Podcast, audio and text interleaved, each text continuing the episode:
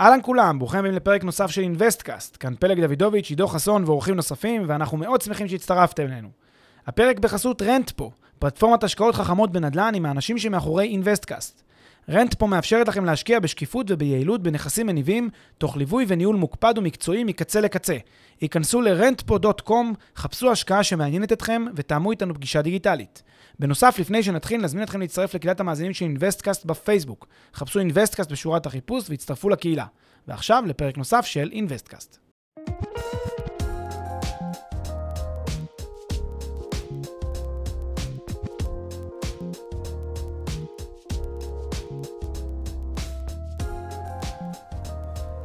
שלום לכולם, ברוכים הבאים לפרק 35 של InvestCast.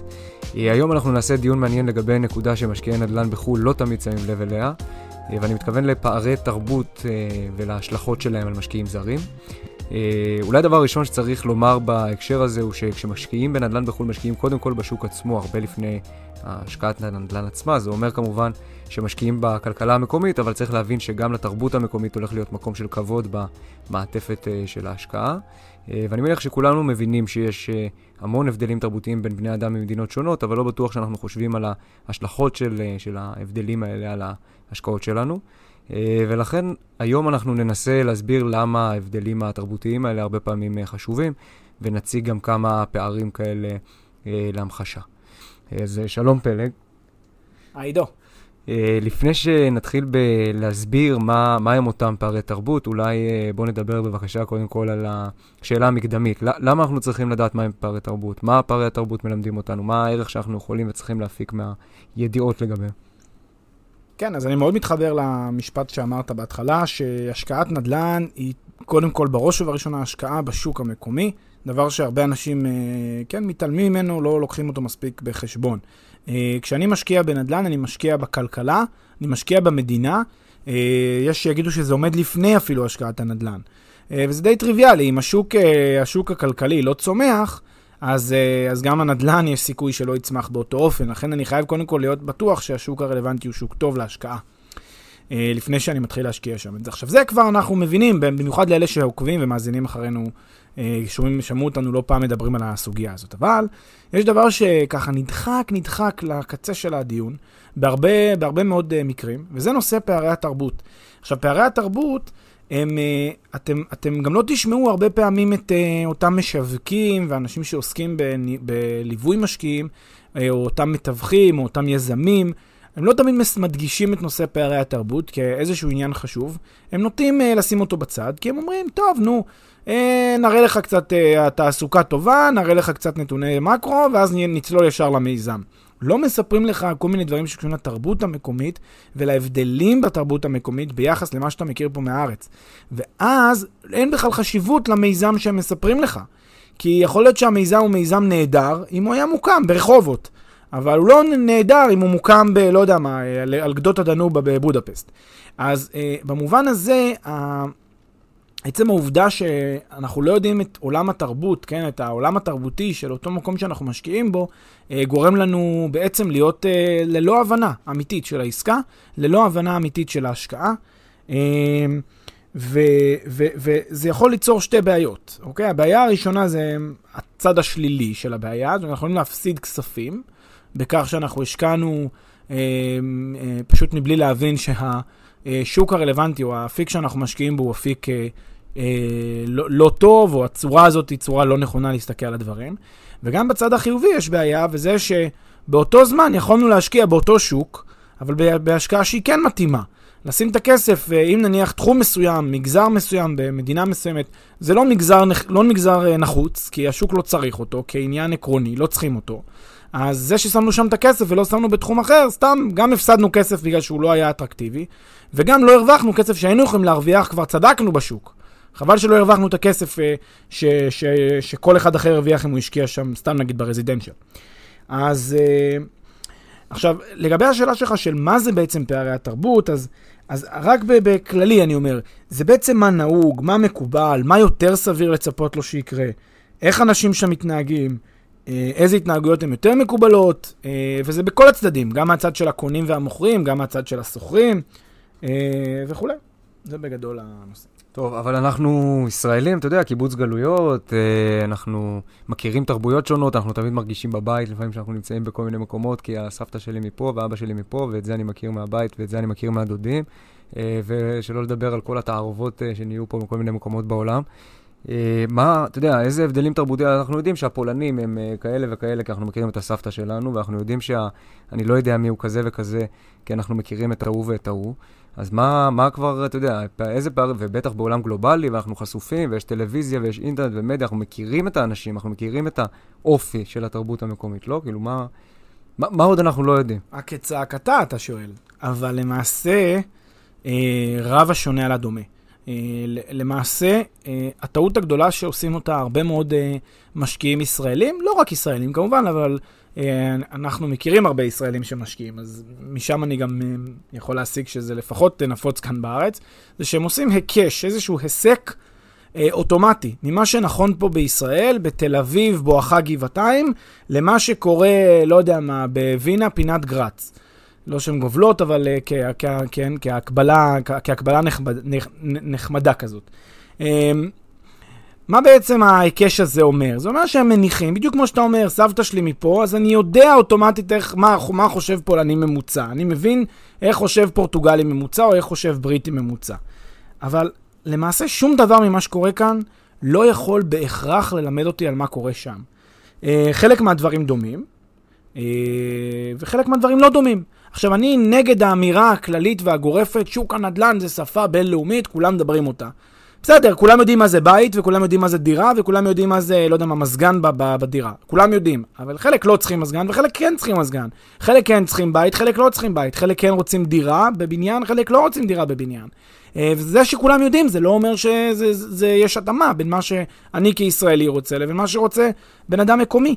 אגב, זה לא רק נכון בחו"ל, גם תצאו מ... מ, מ לא יודע מה, מאזינים שלנו שגרים uh, בצפון או בדרום, ב, ב, ב, כן, במרחבים פתוחים, יגידו לכם שזה הדבר שהם הכי רוצים אותו בחיים שלהם, את השקט ואת, ה, ואת הציוץ הציפורים על הבוקר. Uh, אנשים שגרים במרכז uh, גוש דן יגידו לכם, אני צריך את הנוף האורבני, אני רוצה להתעורר, ושלמטה מתחת לבית יש לי את הבית קפה הפינתי שאני יורד לשם כדי לפתוח, לפתוח ככה את היום, ולא צריך רעש ציפורים, תדעי לשמוע רעש אוטובוס כל בוקר. זאת אומרת, גם פה, גם במרחק של כמה דקות אפילו נסיעה, אתה יכול למצוא שתי תרבויות שונות לגמרי, שנגזרות מכל מיני אלמנטים. אז קל וחומר שהדבר נכון גם לגבי השקעות בחו"ל, ששם uh, גם נכנסים הרבה מאוד אלמנטים, uh, כן, uh, שורשיים, מסורתיים, כל מיני אמונות, דברים כאלה ואחרים שמשפיעים על כל שיקול הדעת. לכן ההיקש האוטומטי שגוי. ויש עוד דבר שצריך לומר בהקשר להיקש הישיר הזה, זה מה שמכונה הטיית הקונספציה. וזה גם uh, עולה הרבה פעמים כשאנחנו מדברים, גם עם משקיעים, גם אפילו בשיחות שלך ושלי, עידו, קורה המון פעמים שבהם יש איזשהו נושא של הטיית הקונספציה. Uh, מישהו uh, מעלה איזושהי השערה, uh, והוא חושב שמה שנכון אליו, נכון לכולם. כלומר, זה קורה המון, למשל, אתה פוגש משקיע, והוא אומר, כן, אני, אה, אני רוצה את העיר הזאת בעולם, אני חושב שזאת עיר אה, מצוינת, בטוח היא תעלה, כולם אה, נוהרים אליה עכשיו. אוקיי, אז לא בטוח. כלומר, זה שאתה חושב, זה שאתה מוצא אותה כעיר מעניינת ובא לך להשקיע בה, לא אומר שכולם רואים את זה עין בעין, לא אומר שכולם חושבים ככה. וזה שאתה חושב שהדבר הכי נחוץ ל... ל לדירה, לבן אדם שגר בדירה. יש כאלה אומרים, הדבר הכי חשוב, עזוב, שום דבר לא חשוב, רק המיטה שתהיה נוחה ושהכול יהיה מעולה, באיכות השינה. לא יודע למה אנשים, כאילו יש להם פתאום תפיסה כזאת, יכולה להיות, אבל יש כאלה שאומרים את זה. האם זה אומר שככה באמת כולם? או שכן או שלא, אבל אי אפשר להגיד אוטומטית שכן. זה גם הנקודה החשובה כאן.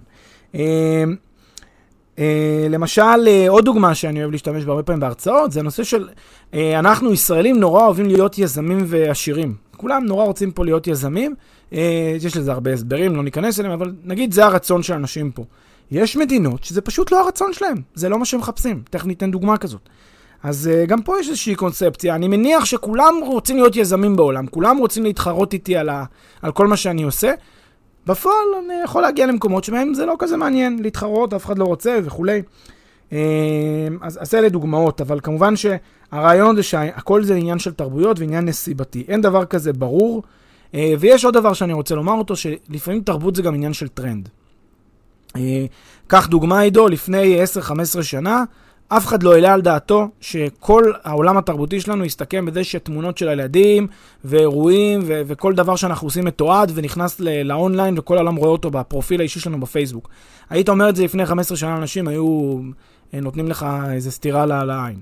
עכשיו זה נראה לנו טריוויאלי לחלוטין. שפייסבוק הוא חלק מהחיים שלנו, שאנחנו מתעדים הכל, שמי שלא מתעד את עצמו כאילו לא קיים, ובאיזשהו מובן, אה, אנחנו מקבלים את זה כמובן מאליו. אבל הנה, השתנתה התרבות. משהו שהיה נראה לפני עשר שנים או חמש שנה כלא סביר, פתאום השתנה לנגד העיניים שלנו. לכן גם תרבות זה הרבה פעמים עניין של טרנד. אה, ובגלל שזה עניין של טרנד, ואנחנו לומדים שזה משתנה, אז אנחנו צריכים להניח שגם בין מדינות דברים אה, שונים יכולים להיות, וזה לגיטימי.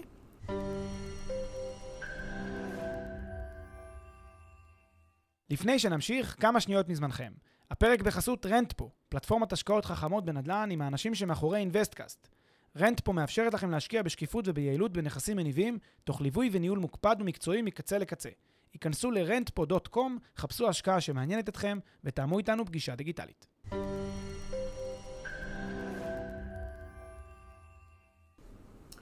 טוב, אז בואו ננסה להכניס את ה... את ה למפות, נקרא לזה, את, אה, את אה, סוגים שונים של אה, פערי תרבות, ממה, מה, על מה אנחנו מדברים בעצם כשאנחנו מדברים על פערי תרבות, כי אני מניח שהכוונה היא שלא שכאן שומעים עומר אדם ובאוסטריה שומעים צ'וברט, או לא, לא יודע, אז, אז בואו ננסה למפות רגע כמה סוגים של פערי תרבות, ככה לעשות את זה באיזה מין ראשי פרקים כאלה. אה, ואחר כך גם לנסות להבין איך זה משפיע על ההשקעות נדל"ן שלנו. טוב, אז אפשר חלוקה כללית לשלוש שלוש צורות או שלושה סוגים של uh, פערי תרבות. פער תרבות הראשון הוא באופי של האנשים, הפער תרבות השני הוא במוטיבציות והרצונות של האנשים, והפער תרבות השלישי זה באלמנטים אובייקטיביים שונים. אז בואו בוא נתחיל באמת מה, מה, מהפער uh, באופי של האנשים. למה אתה מתכוון כשאתה אומר אופי שונה? אחד שהוא מופנם, אחד שהוא פתוח, מה... ואם כן, אז איך זה נוגע אלינו? יפה, אז uh, בגדול, פערים באופי זה בעצם תכונות אופי שונות שיש uh, במדינות העולם, כן? Uh, אנחנו לא אוהבים uh, לחשוב ככה, אבל במדינות מסוימות, בעצם זה, זה ככה קורה, יש, התרבות בראש ובראשונה נגזרת מהאופי של האנשים. אופי שונה. זה לא... עכשיו, נכון, היום אנחנו בעידן יותר גלובלי, וה, והרשתות החברתיות גורמות לכך, ו, וגם, אתה יודע, תהליכים של התערות אוכלוסייה והתערבבות ו, וקיבוץ גלויות כזה, כמו שציינת קודם, יוצר מצב שהאופי קצת כזה, איך, איך מתמצע, מתערבב, הכל כבר כזה לא נהיה שחור ולבן כמו פעם. אבל באיזשהו מובן, כשאני מדבר על אופי, אני מדבר על, על במובן הזה של... אה, אה, אה, יש כל מיני עדיין אנש, מדינות שבהן עדיין, א', אין את אותו אה, תהליך של אה, אה, התערות, עדיין היא שמרה על איזשהי צביון, המדינה שמרה איזשהו צביון אה, קיים של האופי של האנשים שם. אה, ודבר שני, יש גם הרבה דברים שטבועים באנשים. ייקח עוד כמה עשרות שנים או כמה דורות עד שבאמת אנחנו נהפוך לעולם גלובלי כמו שאנחנו רוצים שהוא יהיה, שכולם ממש דומים. שתמצא ב- ברחובות אה, בנקוק, ברחובות ציריך וברחובות, אה, לא יודע מה, לוס אנג'לס, באמת את אותו טיפוסים בדיוק אחד לאחד. ייקח עוד זמן, יש כאלה שגם אה, יגידו לך, גם לעולם זה לא יקרה. אז uh, אני חושב שזה אולי יקרה, או לפחות זה יצטמצ... ילך ויצטמצם, יצלחו ויצטמצמו המרחקים. אבל אנחנו עוד היום לא שם, אנחנו מאוד רחוקים משם. כיום. ועדיין יש אופי לאנשים שטבעו עליהם בגנטיקה ובאישיות שלהם. ואופי זה יכול להיות אנשים שהם יותר חמים או יותר קרים, יותר פתוחים לאנשים, פחות פתוחים לאנשים. אנשים שהם יותר עם תושייה ואנשים שהם פחות עם תושייה. אנשים שהם יותר פדנטים ויסודיים ואנשים שהם פחות פדנטים ויסודיים. יותר כאלה חאפרים, כן? יש אנשים, יש אוכלוסיות בעולם שהם פשוט פחות פדנטים. אין, אין, אין, אין את החשיבות הזאת. לא מעניין אותם כל כך, אה, אתה יודע, מרוץ החיים הזה שאנחנו חיים בהם יותר באיזי. כזה לא, לא יורדים אה, לעובי הקורה בכל משימה שהם עושים אותה. אנשים שהם יותר משכילים, שחשובה להם רכישת השכלה, ואנשים שפחות. אנשים שיש להם משמעת עצמית גבוהה יותר, ואנשים שיש להם משמעת עצמית אה, נמוכה יותר. נאמנות למקומות העבודה, פחות נאמנות למקומות העבודה. ממש אופי שונה של אנשים. אז בואו, אם אנחנו מדברים על אופי שונה של אנשים, בואו ננסה למקד את זה באופי שונה של, סתם, דוגמאות למקומות שונים בעולם, אה, ולהבדלים אה, בינם לבין הישראלים. אני אתן לך דוגמה נפלאה, שאני חושב שהיא... זה מה שציינתי אותה קודם, שאני גם מזכיר אותה בהרצאות הרבה פעמים, כי היא באמת ממחישה ואני מזכיר אותה בהרצאות, באיזה הקשר? בהקשר של לתת לאנשים, אה, למשל, אה, תמריץ לצאת ולהיות יזמים, או תמריץ וכן, drive כזה ליזמות. אז, אז בתפיסה הזאת, אז זה ממש דוגמה מופלאה בעיניי. קנדה, קח דוגמה כמו קנדה, שהיא מדינה סופר מפותחת, סופר מתקדמת, גם אחת מהשלוש-ארבע מדינות הכי נחשקות בעולם לחיות בהן. אם תחיה בקנדה, יש ערים, ואנחנו מכירים הרבה קנדים, אה, וגם ישראלים לשעבר שעברו לקנדה, אה, יספרו לך את הדבר הבא. הקנדי הממוצע, שוב, לא כולם, אבל הממוצע לפחות, הוא לא יזם באופי שלו. לא רק שהוא לא יזם, הוא סולד מיזמות באופי שלו. הוא שונא סיכון, הוא, כלומר, יותר מדי שונא סיכון, הוא uh, נמנע מלהיכנס uh, לכל מיני הרפתקאות פיננסיות בחייו, הוא מעדיף דברים יותר, טיפה יותר uh, צנועים. Uh, הוא, לא יודע מה, מעדיף שמישהו אחר ייזום ושהוא יקטוף את הפירות בתור, ה, כן, מי שנהנה לצרוך מוצרים, אבל לא ייקח, לא ייקח את היזמות בעצמה. זה מתבטא גם בין היתר, למשל אם אתה פותח שם אה, בית קפה ליד טים uh, אורטונס, שזה הבית, בית, רשת בתי הקפה של קנדה, או קל וחומר בתי קפה אחרים אמריקאים אפילו, שכמעט ואין שם, אז אם תפתח בית קפה צמוד uh, לטים אורטונס, כמובן uh, לא, לא, לא אומר מה יותר טוב ומה פחות טוב, אבל הרבה מאוד קנדים מעדיפים דווקא את בית הקפה המקומי, ולא ללכת לרשת. למה? מתוך רצון לקדם את העסק המקומי. יש להם איזשהו value כזה חברתי, לקדם עסקים מקומיים, לעזור לאנשים, מתוך ראייה כזאת אה, סולידריות חברתית. והם גם מבינים שיזם, הוא לקח סיכון, הם רואים אותו כמי שלקח סיכון. פה בארץ, כישראלים אנחנו מכירים את זה, כל אחד שני פה הוא יזם, וגם כל אחד ראשון אם הוא לא יזם ביומיום שלו, אז הוא יזם בפעילויות האגביות שהוא עושה. כולם פה מתעסקנים, מה שנקרא, כולם פה יש להם כל מיני פעילויות שהם עושים, ההוא פתח ככה, היא פתחה ככה, כל אחד פותח פה משהו, ואז יוצא מצב שאנחנו כל כך כולם מוצפים פה ביזמויות ומיזמים, שאתה כזה כבר לא, לא יודע לברור את המוץ מהתבן, אתה כזה... אין לך כבר כוח לקדם אה, עסקים מקומיים, בוודאי שאין סולידריות כזאת בין אישית יותר מדי לעזור, זה בעיקר אתה כבר כזה נסחף אחרי הזרם והולך עם uh, תאגידים גדולים לצורך העניין. זה קורה המון, ושם זה פשוט הפוך. וזה מדהים לראות הרבה מאוד ישראלים לשעבר שעברו לקנדה, באו עם קצת אופי יזמי והתעשרו די, תשאל אותם לטענתם, זה יהיה די בקלות. מצאו איזושהי נישה, אפילו לא קטנה, אפילו נישה שהיא פה בארץ מגלגלת כסף. שם זה פשוט נישה שלא קיימת. נכנסו אליה, מיד באו אנשים תמכו בהם, כי זה עניין סולידרי כזה, קדימה, והרימו עסק. אז אתה אומר שבעצם אה, אנחנו כישראלים יכולים אה, לנצל, או אם אנחנו מבינים טוב את פערי התרבות, אה, בין המקום שממנו אנחנו מגיעים לבין מקומות אחרים בעולם, אנחנו יכולים באיזשהו אופן, כן, take advantage of the, בעניין הזה. כן, אני חושב ש... שוב, זה לא, זה לא קשור להשקעות נדל"ן בשלב הזה, כמובן שאנחנו לא... אה, זה לא הייתה דוגמה להשקעות נדל"ן, הייתה דוגמה יותר ל mentoring כזה, אבל החשוב בסיפור הזה היא להראות שהנה, יש פער אופי בין הקנדי הממוצע לישראלי הממוצע, ו... אם אני רוצה לנצל את פער, פער האופי הזה לטובתי, אז אני נניח אעבור לקנדה אם אני יכול ואגור שם, אם זה מה שמעניין אותי. אבל אני סתם מספר את זה כדי להראות, הנה, לא כל מה שלנו נראה טריוויאלי, כולם יזמים גדולים, אתה תבוא לשם, לא, אנשים לא יזמים גדולים, אנשים לא מחפשים את זה, ראש שקט. תשמע, אה, יכול להיות שגם יש סיבה לכל הטוב הזה. מה הם צריכים את המרדף הזה כשבסך הכל טוב שם, אתה רואה הכל ירוק בעיניים, הכל כיף. לא יודע, יש אנשים שיגידו, יותר כיף שם, יותר כיף פה, כל אחד והשיקולים שלו, אז uh, אתה יכול למצוא גם הסברים. זאת אומרת, זה לא תמיד, לא, לא רק אופי גנטי מולד. יכול להיות שזה גם אופי שנבע, באמת, כי הסביבה תומכת בזה, כי הירוק בעיניים תומך בזה. לא חשוב, אבל ב- ב- ב- בכל אופן, אה, רק להכיר שיש פערי תרבות במובן הזה של, הנה, אפילו האופי היזמי והתושייה. טוב, אז בואו אה, נתקדם לפערים במוטיבציה וננסה... ככה להבין איך הפערים במוטיבציה משליכים על מש, משקיעי נדל"ן בחו"ל. בטח, אז פערי מוטיבציה, בשונה מפערי אופי, הם לא עניין אה, גנטי מולד, כמו שאני קורא לו, אלא יותר עניין של רצונות. שוב, זה, זה יכול להשתנות מעת לעת, אבל אה, זה הרבה פעמים אה, דבר ש, ש, שהולך יד ביד עם, ה, עם התרבות המקומית. למשל, אנשים שמעדיפים דירות יותר קטנות או דירות יותר גדולות. אז זה עניין אה, תרבותי. אה, אנשים שרוצים לגור יותר במרכז, או אנשים שרוצים לגור בפריפריה, נתתי את הדוגמה הזאת גם קודם. אנשים שאוהבים סביבה ירוקה בעיניים ולא רוצים סביבה אורבנית. אה, אנשים שאוהבים בנייה נמוכה ולא אוהבים בנייה גבוהה. אני חושב, כשאני נמצא במנהטן, במקומות מסוימים, אתה רואה את הגורדי שחקים, לי, לי זה עושה כיף בעיניים. אני יודע שיש אנשים שלא רוצים להיכנס למנהטן בכלל, הם אומרים לעצמם, זה, עזוב, זה גדול לי מדי, זה לא נוח לי מדי, לא, בטח לא רוצה לחיות כאן. כל אחד וה, וה, וה כן, ה, למה, מה הוא מוצא חיבה, מה הוא מוצא יותר עניין ומה מה יותר uh, כיף לו.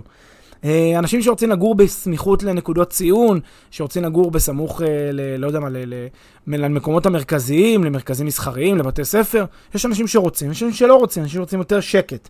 אה, קרבה לכביש ראשי ומרחק מכביש ראשי, סוג התעסוקה, אנשים שרוצים לגור בסמוך לאזור התעסוקה, גם אם אזור התעסוקה זה מפעלים תעשייתיים, זה בסדר מבחינתם, העיקר שהם קרובים לשם, או אנשים שרוצים לגור רחוק ממרכזים תעשייתיים, או בכלל ממרכזי התעסוקה, הם רוצים את ההפרדה הזאת בין uh, מרכזי התעסוקה לבין, ה, לבין הבית, שיהיה להם אפילו שעה נסיעה כל בוקר, לא מפריע להם.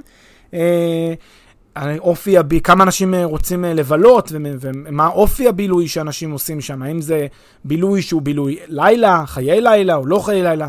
כך למשל ערים בעולם, שאני רואה נתונים עליהם מכל, מכל מיני מקומות, מכל מיני אתרים, כאתר, כמקומות מבטיחים, מקומות שכל אה, בן אדם רוצה לשים בו את הכסף, אתה מגיע לשם ארבע אחרי צהריים ריק, הכל סגור. זה מקום שהוא מת בשעות הערב, אבל הוא עדיין פוטנציאל נדל"ני נפלא אולי, כי הנה, אנשים לא... כי, כי, לא בשביל אלה שרוצים את חיי לילה. אבל הנה, בהבנתך, את העולם התרבותי שם, אתה מבין, זה לא לאנשים שרוצים את החיי לילה, זה עדיין עסקה טובה נדל"נית לצורך העניין. אוקיי, okay, אז אחרי שדיברנו גם על הפער, אה, אה, פערי תרבות במוטיבציה, בואו בוא ניכנס לפערי אה, תרבות שנוגעים לכל מיני אלמנטים אובייקטיביים, מה שקראת בהתחלה. כן, אלמנטים אובייקטיביים זה אומר כל מיני דברים שלא קשורים לא לאופי של האנשים שם ולא למוטיבציה שלהם היומיומית, אלא פשוט תוצאה של נסיבות אובייקטיביות שמשפיעות להם על החיים, וצריכים להכיר אותם גם כן כשיקולים. למשל, אם התחבורה הציבורית טובה בעיר או לא טובה בעיר. אה, למשל עבור משקיע זר, ולא רק משקיע זר, גם כשאנשים, תיירים באים לארץ, אני חושב, אני שומע מהם שיש הרבה פעמים שוק, מ... שיש ימים שבהם לא פועלת תחבורה ציבורית. וזה דבר שאם אתה לא נערך אליו מראש, הנה, זה משנה לך תוכניות. יש נגיד משקיעים ש... שרוצים לה... להבין איך, איך השוק פה מתנהג, חייבים להבין את החשיבות של זה שתחבורה ציבורית פה, בוא נאמר את האמת, היא לא, אה, היא לא הדבר הכי טוב אה, שאפשר לחשוב עליו, ושקשה לסמוך על תחבורה ציבורית כאן. אז זה חשוב למשקיע, חשוב לו להבין את הדברים האלה. אה, אז כמו שזה חשוב לו להבין את זה כאן, אז גם חשוב לנו להבין כשאנחנו משקיעים שם, אם התחבורה הציבורית שם מתפקדת ומה האיכות שלה. עד איפה מגיעים התחבורה הציבורית, הם בכלל משתמשים בתחבורה ציבורית. כי יש הרבה מדינות שכן נשענים על רכבים. יש מדינות שלא נשענים על רכבים. צריך להבין את זה, מה, מה, מה, זה פועל יוצא כמובן של תחבורה ציבורית, של איכות התשתיות וכולי. דבר נוסף, איכות הבנייה, גם דבר שהוא עניין אה, אובייקטיבי יחסית. אה, עד כמה מהר משלימים פרויקטים, מה האיכות של הפרויקטים, מה האיכות של הביצוע שם. זה די מצב שוק. אה, זה לא עניין רק תרבותי, זה מצב שוק, במובן הזה שלפעמים כשיש אה, קבלנים שבונים באיכות נניח בסטנדרט נמוך, אז יש ביניהם מעין מרוץ כזה לתחתית במובן הזה. זאת אומרת, זה לא, איכות הבנייה היא לא חשובה, היזמים שם לא מאוד... אה, אה, מתמקדים בליצור בנייה בסטנדרט גבוה, ונוצר מצב שאיכות הבנייה יחסית אה, אה, נמוכה, וכל יזם בעצם אה, לא, אין לו שאיפות מיוחדות לשפר אותה. אז זה דוגמה נוספת, אה, לפער, כן, אה, אובייקטיבי. גם אה, היקף ההשקעות הבינלאומיות בשוק המקומי, גם אה, האם השוק הזה נשען על תעשייה מקומית שהיא לואו-טק או תעשייה מקומית שהיא הייטק. זה גם שאלה אובייקטיבית שחשובה. אם היא יותר נשענת על הייטק, אנחנו יכולים לצפות ליותר אה, חבר'ה צעירים שגרים שם. אם היא יותר נשענת על לואו-טק, אנחנו נצפה ליותר, אה, כן, צווארון כחול, מה שמכונה. אז אה, זו דוגמה נוספת לעניין אה, אובייקטיבי. אה, וכמובן אלמנטים אובייקטיביים נוספים, שזה כמובן מצב גיאופוליטי, uh, יציבות uh, ביטחונית, ביטחון אישי. כל הדברים האלה, ככל שיש לך יותר חוסר ביטחון אישי, אם זו שכונה שהיא שכונת פשע למשל, או עיר שידועה בשיעורי פשיעה גבוהים, אז אתה תצפה שרכיבים מסוימים מההשקעה שלך יהיו קשורים גם במיגון הנכס, דברים מהסוג הזה, קרבה ל... לא יודע מה, למוסדות ביטח, ביטחון וכולי. אז זה בגדול הרעיון. טוב, אז אם אנחנו מנסים לקחת את האלמנטים האובייקטיביים שדיברת עליהם ולנסות להעמיד אותם מול ה... פערים באופי או במוטיבציות, זה בעצם, אני מסתכל על זה, אה, אופי ומוטיבציות זה מין פערים סובייקטיביים כאלה, ואל מול בעצם הפערים האובייקטיביים. אז בעצם אפשר, אפשר לומר שה, שזה דבר תלוי בדבר, לא? כן, אה, בהחלט אפשר לומר שיש קשר פה, כלומר שאתה בעצם שואל האם הפערים הסובייקטיביים הם תוצאה של הפער האובייקטיבי שאמרנו קודם, שנגיד המצב הגיאופוליטי או מצב הבטיחות, הביטחון האישי וכולי. אני מסכים שיש אה, קשר כזה בין הדברים, ויכול להיות שהם גם אה, סיבה ותוצאה, אבל אה, בכל זאת יש דברים שהם given, כן, אופי. לא בטוח האם אופי הוא בגלל ש...